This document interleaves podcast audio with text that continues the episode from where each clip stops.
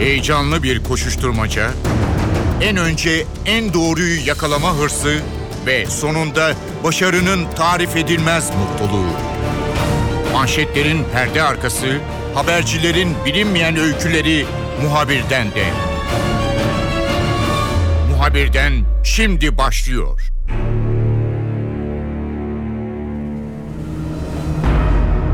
Suriye'de IŞİD'in yarattığı tehdit devam ediyor. Türkiye, Suriye ile komşu olmasının bazı zorluklarını uzun zamandır yaşıyordu. 1,5 milyona yakın Suriyeli Türkiye'de yaşamını sürdürüyor. Son olarak Kobani'den ve çevresinden kaçan Kürtler de Türkiye'ye geçtiler, Türkiye kapılarını açtı. Ancak işte karşı askeri operasyon başlatan Amerika Birleşik Devletleri ve müttefik ülkeler Türkiye'den askeri istekler seslendirmeye başladılar. Türkiye geçmişte verdiği katkıları bir yandan ortaya koyuyor.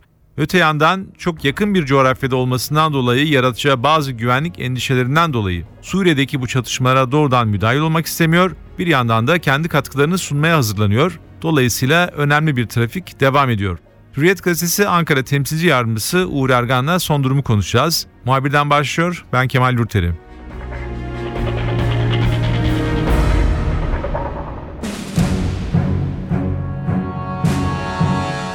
Ankara'da önemli bir askeri hareketlik var. Amerikalı askeri yetkililer geliyorlar. Farklı ülkelerden farklı siyasilerin IŞİD'le mücadele konusunda Türkiye'den önemli talepleri var. Türkiye bütün bu istekleri tek tek masaya yatıyor ve değerlendiriyor. Bu konuyu Ankara'da deneyimli gazeteci Uğur Ergan'la görüşeceğiz. Uğur, Türkiye'nin Suriye politikasını gözden geçireceğiz senle.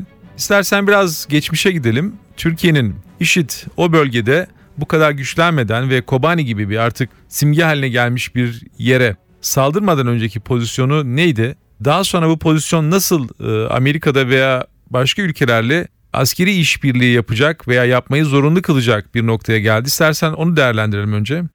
Türkiye'nin Suriye ile e, ilgili e, politikasına ta başından beri baktığımız zaman tezi şuydu.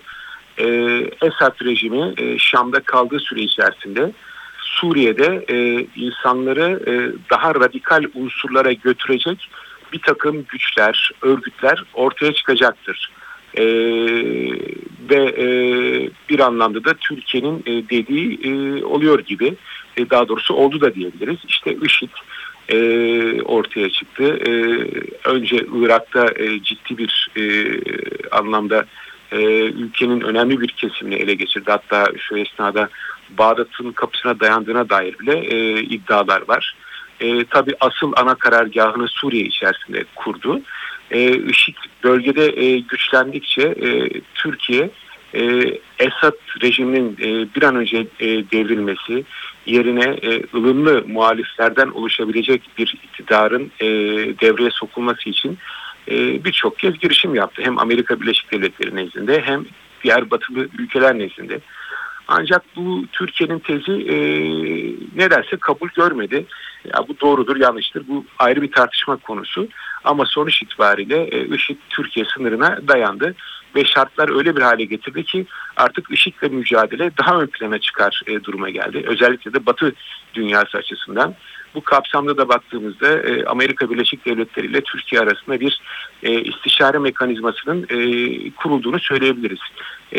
Nasıl oldu bu? Önce işte Amerika Savunma Bakanı Türkiye'ye geldi. Ardından Dışişleri Bakanı e, birkaç kez geldi. Daha sonra IŞİD'le mücadele kapsamında yapılan bazı toplantılar vardı. Gerek Suudi Arabistan'da olsun gerek Fransa'da olsun hatta Suudi Arabistan'daki toplantı son derece e, tartışmalı hale gelmişti. Batı dünyasında Türkiye açısından baktığımızda o da neydi? E, IŞİD'le mücadele e, bildirgesine Türkiye imza atmamıştı ama bir gerekçesi vardı. O da e, Musul e, Başkonsolosu personelin IŞİD'in elinde rehin tutulmasıydı. Zaten rehine olayı bittikten sonra Türkiye IŞİD meselesine daha aktif hale geldi diyebiliriz. Ancak aktif hale gelmesi de Türkiye'nin Batı dünyasından gelen e, her düşünceye, her fikre e, yani mücadele bazında söylüyorum tabii e, onay verdiği anlamına gelmiyor. Bu konuda müzakere e, süreci hala devam ediyor. Yapılması gereken daha birçok şey var. Ancak hala e, Türkiye ile yani Ankara ile Batı dünyası arasında görüş farklılığının giderildiğini söyleyebilmek şu an için pek memnun, e, pek mümkün değil.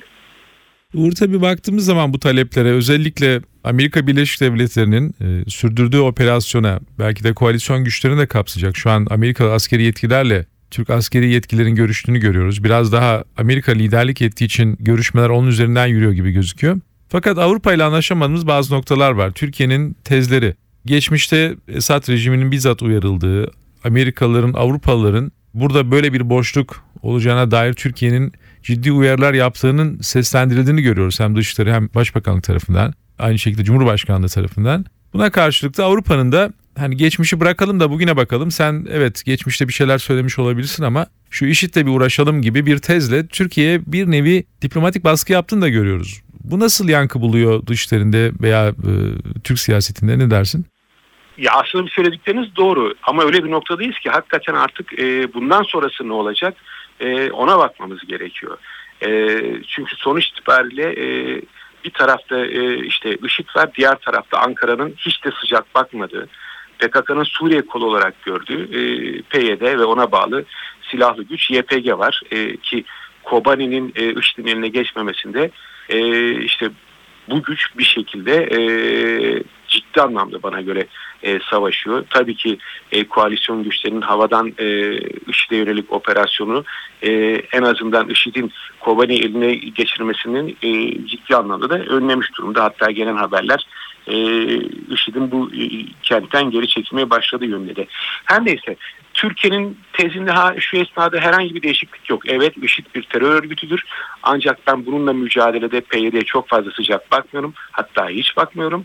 Ancak IŞİD'le birlikte IŞİD'in yarattığını öne sürüyor çünkü Ankara. E, IŞİD'i yaratan Esad rejimidir. Esad rejimiyle de birlikte e, IŞİD'e karşı da e, mücadele etmelidir. Yani sadece IŞİD değil Ankara'nın hedefi aynı zamanda Esad rejimde olmalı e, şeklinde. Ancak bu tabii ki şu esnada Batı dünyası da pek e, kabul gördü e, diyemeyiz.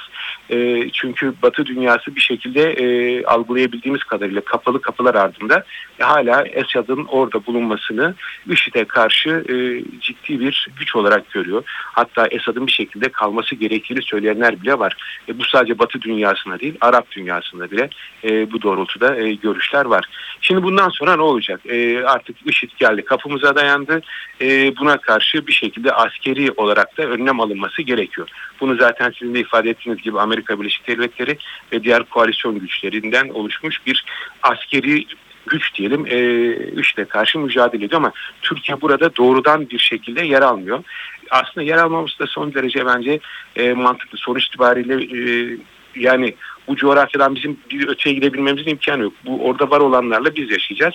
Bundan dolayı son derece sakin, hassas bir şekilde bu süreci götürmek gerekiyor. Uğur Amerika'dan gelen heyet önemli. Anlaşıldığı kadarıyla ön raporlarında olumlu görüşler söylemişler Türkiye'nin vereceği destek konusunda ki Amerika'daki çok üst düzey siyasetçilerden de bazı memnuniyet ifadeleri içeren açıklamalar duyuyoruz. Türkiye bir yandan bu görüşmeleri sürdürüyor. Yani IŞİD'le mücadele etme konusunda destek vermeye kararlı ama kendi içerisindeki tezini de herhalde yine anlatmaya devam edecek. İşte 1,5 milyon Suriyeli Türkiye'de barınıyor. Belki sayısı daha fazla. Kobani'den kaçan veya o hat üzerindeki bölgelerden kaçan 200 bine yakın Kürt e, yine Türkiye'nin sınırlarından içeri alındı ve bunlar da bir şekilde bakılıyor ve barındırılıyor. Mürşit Münir sınır kapısında Kobani'de yaralanan kişilerin tedavisi yapılıyor. Bu çok önemli bir destek. Yani öyle bir çalışma bölgesinde insan sağlığına destek vermek çok önemli.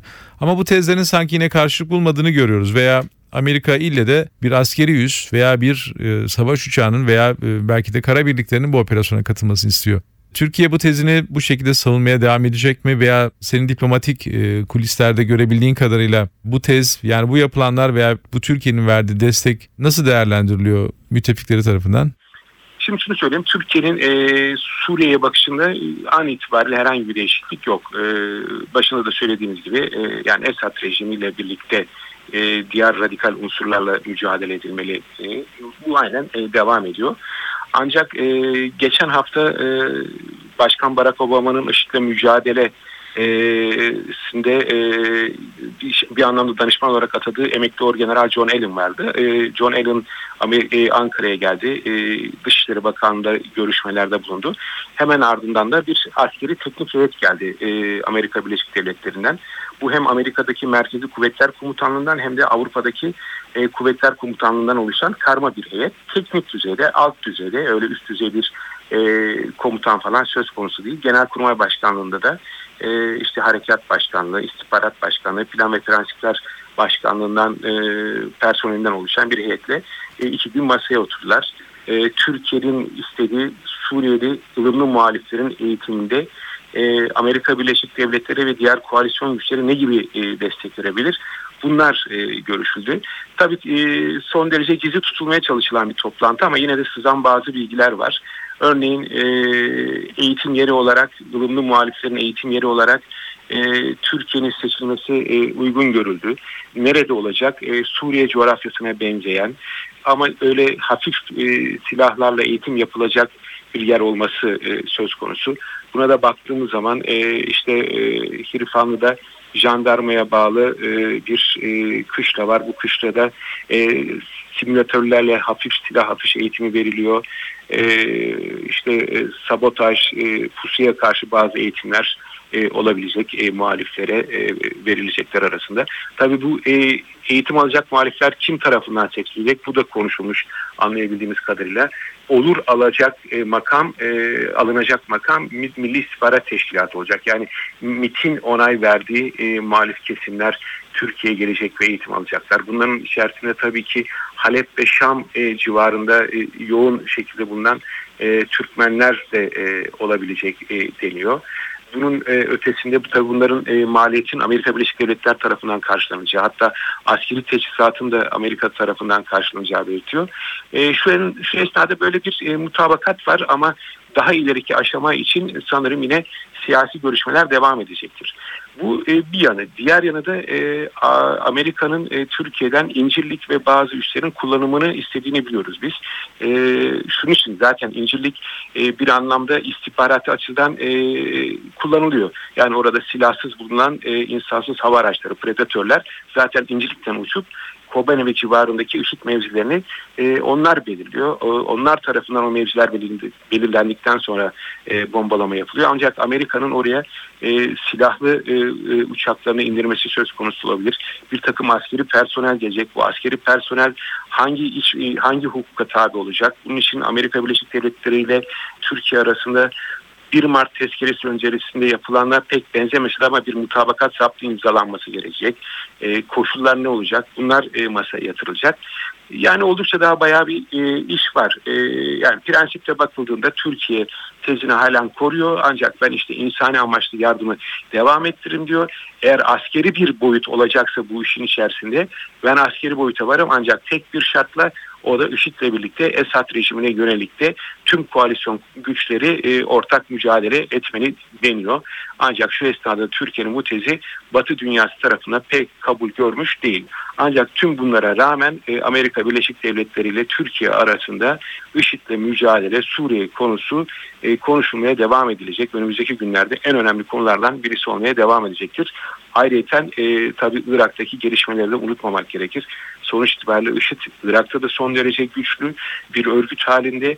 Orada da e, Kürt bölgesine yönelik ciddi e, tehdit e, içeriyor. E, yani ortada da öyle bir denklem var ki, öyle bir oyun var ki e, bu gazetelerde yansıdı.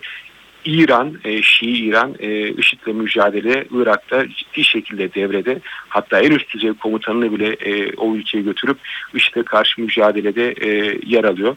Çok ilginç, e, hakikaten tarihe mal olacak. E, yıllar sonra e, bölgede neler olup bittiğini e, belki de genç kuşakların kitaplarda okuyacağı bir gelişmelere sahne oluyor Orta Uğur seni bulmuşken son bir sorum daha olacak. Bedelli askerlik konusu var. Bu hafta içerisinde önemli bir konuydu. Bu neticelenmesi bekleniyordu. Başbakan Ahmet Davutoğlu son noktayı koydu. Yani bedelli askerliğe sıcak bakmadığını söyledi. Daha önce bazı hükümet üyeleri çıkmalıdır, gerekebilir gibi bir takım açıklamalar yaparak beklenti yaratmıştı ama başbakan nihai görüşünü ortaya koyunca herhalde bu tartışma biraz daha donacak ve belki birkaç sene gündeme gelmeyebilir. Bedelli askerlik konusunun e, niçin istenir? E, Genelkurmay niye karşı çıktı? E, o konuda notlar var mı sende? Bunlar siyasiler tarafından gündeme getirildiğinde Ankara'da Genelkurmay Başkanlığı ile yakın ilişki içerisinde olan e, muhabirler, gazeteciler hiçbir zaman Genelkurmay karargahından evet bedelli askerlikle ilgili bizim bir çalışmamız var. Bizim işte şu kadar fazlamız var. Bu fazlamızı azaltmak için bedelli askerlik iyi olur gibi bir rapor, bir duyum, bir bilgi alınmadı. Ancak ısrarla bazı siyasi çevreler tarafından bu bedelli askerlik gündeme getirildi. E, artık Sayın Başbakan Davutoğlu net bir şekilde ortaya koydu, net bir ifadeyle söyledi. E, bedelli askerlik kesin bir şekilde gündemimizde yok. E, ben biliyorum ki bundan önce Genelkurmay Başkanlığı gündeminde yoktu. Halen de yok. İleride olmayacak da. Hele hele bölgede böyle sıcak bir ortam yaşanırken yani Suriye, Irak, Kıbrıs, işte e, Doğu ve Güneydoğu'da Kobane nedeniyle yaşananlar kesinlikle bedelli askerlik diye bir şey söz konusu değil. Bunu da zaten özellikle Kobane vurgusuna e, dikkat çekmek lazım Davutoğlu'nun. O da ifade ediyor. Böyle bir günümüz şartlarında bu mümkün değil diye.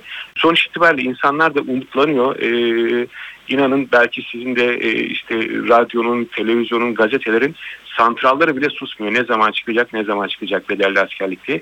İnsanlara yok böyle bir şey dediğiniz zaman da kimisi inanıyor, kimisinden kötü sözler bile duyabiliyorsunuz. Yalancılıkla itham ediliyorsunuz. Son derece net bir şekilde ben de söyleyeyim bedelli askerlik e, kesinlikle ne Türk Silahlı Kuvvetleri'nin gündeminde var ne de hükümetin gündeminde var. Uğur Ergan çok teşekkürler. Kolay gelsin.